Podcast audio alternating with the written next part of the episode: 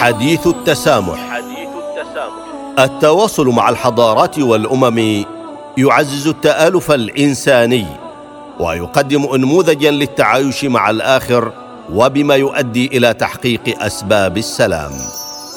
حديث التسامح برنامج يعده ويقدمه سعادة الدكتور محمد بن سعيد المعمري.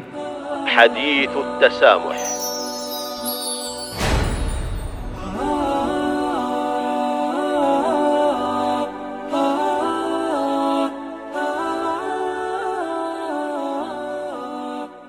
بسم الله الرحمن الرحيم. الحمد لله رب العالمين والصلاة والسلام على رسول الله الأمين وعلى آله وصحبه أجمعين. أما بعد السلام عليكم ورحمة الله تعالى وبركاته. أعزائنا المستمعين والمستمعات مرحبا بكم في برنامجكم حديث التسامح. وفي حلقة جديدة نكمل الحديث فيها حول تنمية سلوك التسامح في النفس وقد تناولنا طرفا من هذا الجانب في الحلقة الماضية وتوقفنا مع ما أورده الباحث في الدراسات الإسلامية أحمد عبد العظيم حين قال لقد رسخ الإسلام تحت عنوان التسامح أشياء كثيرة فلقد رسخ في قلوب المسلمين أن الديانات السماوية تستقى من معين واحد من أجل التسامح فقال في القرآن الكريم شرع لكم من الدين ما وصى به نوحا والذي أوحينا إليك وما وصينا به إبراهيم وموسى وعيسى أن أقيموا الدين ولا تتفرقوا فيه. رسخ الإسلام من أجل التسامح في قلوب المسلمين. أن الأنبياء إخوة. لا تفاضل بينهم من حيث الرسالة ومن حيث الإيمان بهم. فقال في القرآن الكريم قولوا آمنا بالله وما أنزل إلينا وما أنزل على إبراهيم وإسماعيل وإسحاق ويعقوب والاسباط وما أوتي موسى وعيسى والنبيون من ربهم لا نفرق بين أحد منهم ونحن له مسلمون. لقد رسخ الإسلام تحت مظلة التسامح أن لا إكراه في الدين فالعقيدة ينبغي أن يستقبلها القلب والعقل بشكل واضح وبشكل جلي.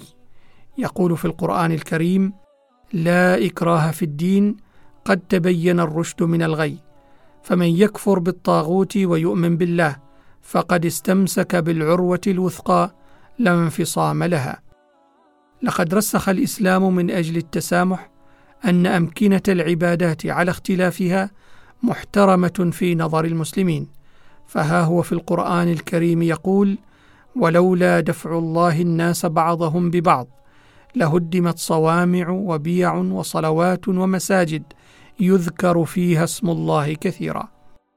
لقد رسخ الإسلام من أجل التسامح أن هؤلاء المسلمين ينبغي أن ينظروا إلى أنفسهم وإلى غيرهم على أنهم بشر يجادلونهم بالتي هي أحسن.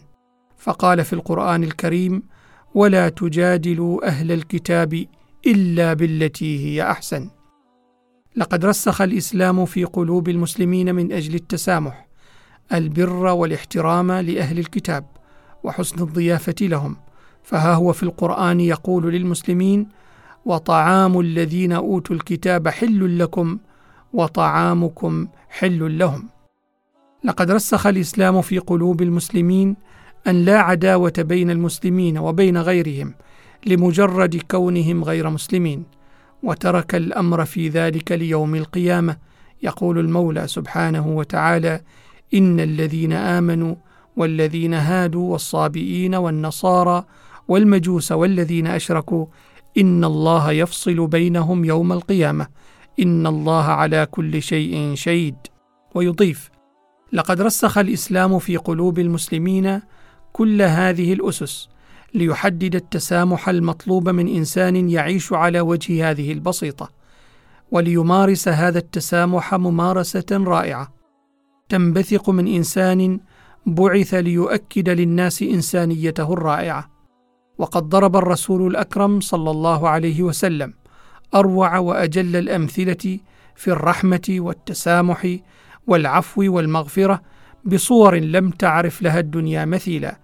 كما طبق أصحابه وأتباعه المؤمنون في مختلف العصور قيمة التسامح وأعلوا من شأنها ودعوا إليها في خطبهم ودروسهم وكتاباتهم ومحاوراتهم ومناقشاتهم. وها نحن نورد بعضا منها على سبيل المثال للحصر. روى محمد بن الحسن صاحب أبي حنيفة ومدون مذهبه أن النبي صلى الله عليه وسلم بعث إلى أهل مكة مالا لما قحطوا ليوزع على فقرائهم. هذا على الرغم مما قاساه من أهل مكة من العنة والأذى هو وأصحابه.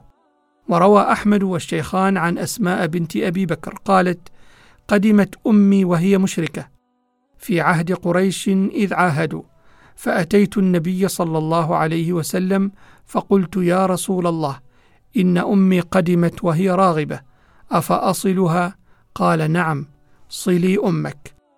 وفي قول القرآن يبين أدب المجادلة مع المخالفين ولا تجادلوا أهل الكتاب إلا بالتي هي أحسن إلا الذين ظلموا منهم.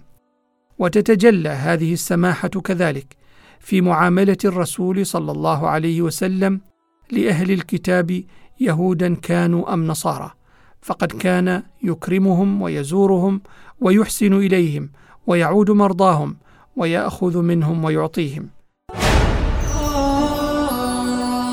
حديث التسامح. حديث التسامح. التواصل مع الحضارات والأمم يعزز التآلف الإنساني ويقدم انموذجا للتعايش مع الآخر وبما يؤدي إلى تحقيق أسباب السلام. حديث التسامح برنامج يعده ويقدمه. سعادة الدكتور محمد بن سعيد المعمري. حديث التسامح.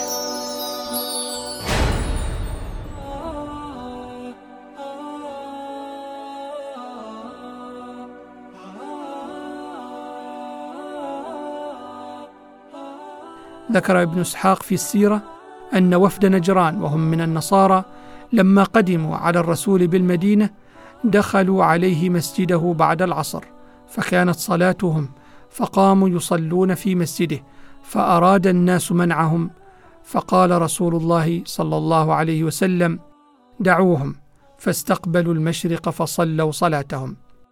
وروى البخاري عن أنس أن النبي صلى الله عليه وسلم عاد يهوديا وعرض عليه الإسلام فأسلم فخرج وهو يقول الحمد لله الذي أنقذه بي من النار.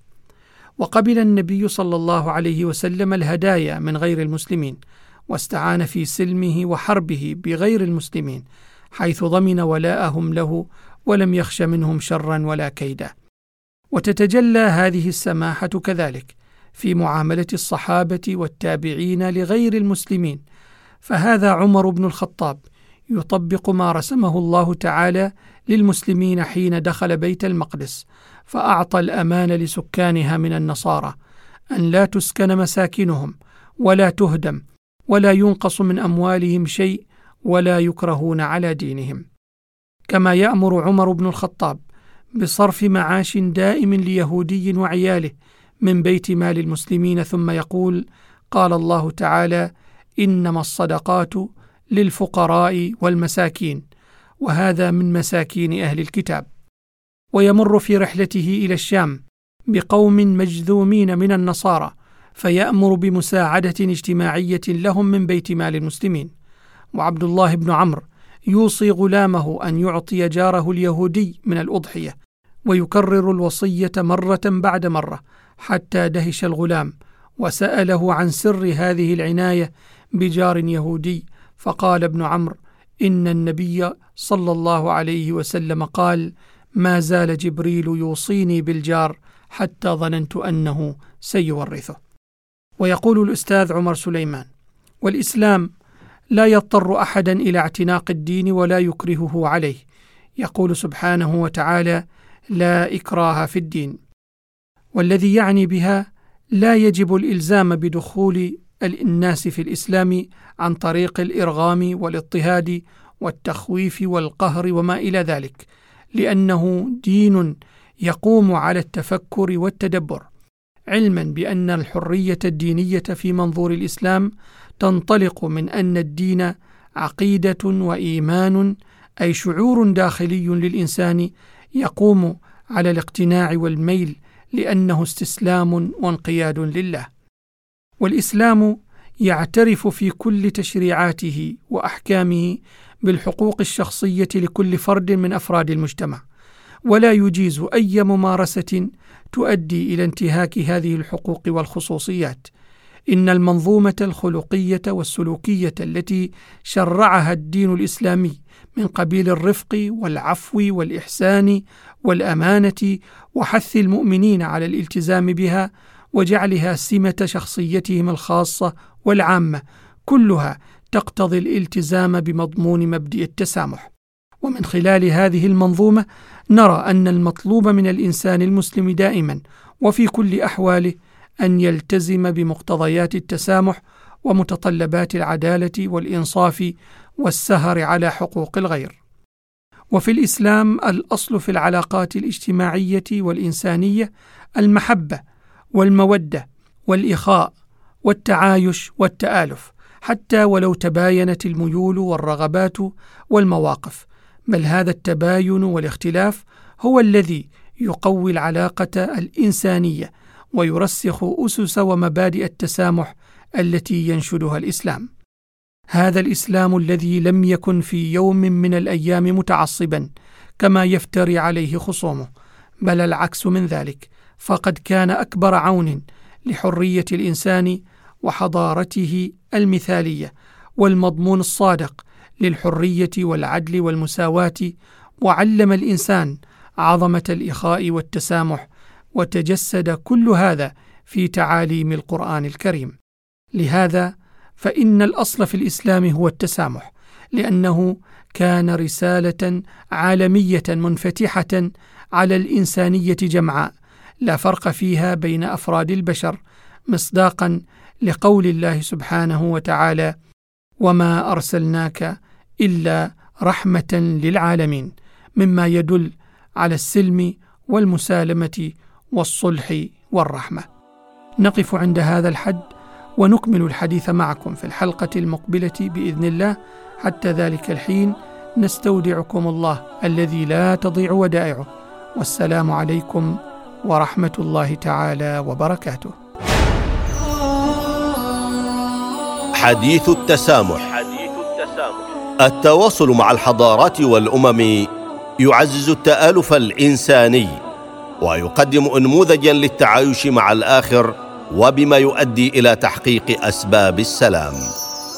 حديث التسامح برنامج يعده ويقدمه سعادة الدكتور محمد بن سعيد المعمري حديث التسامح.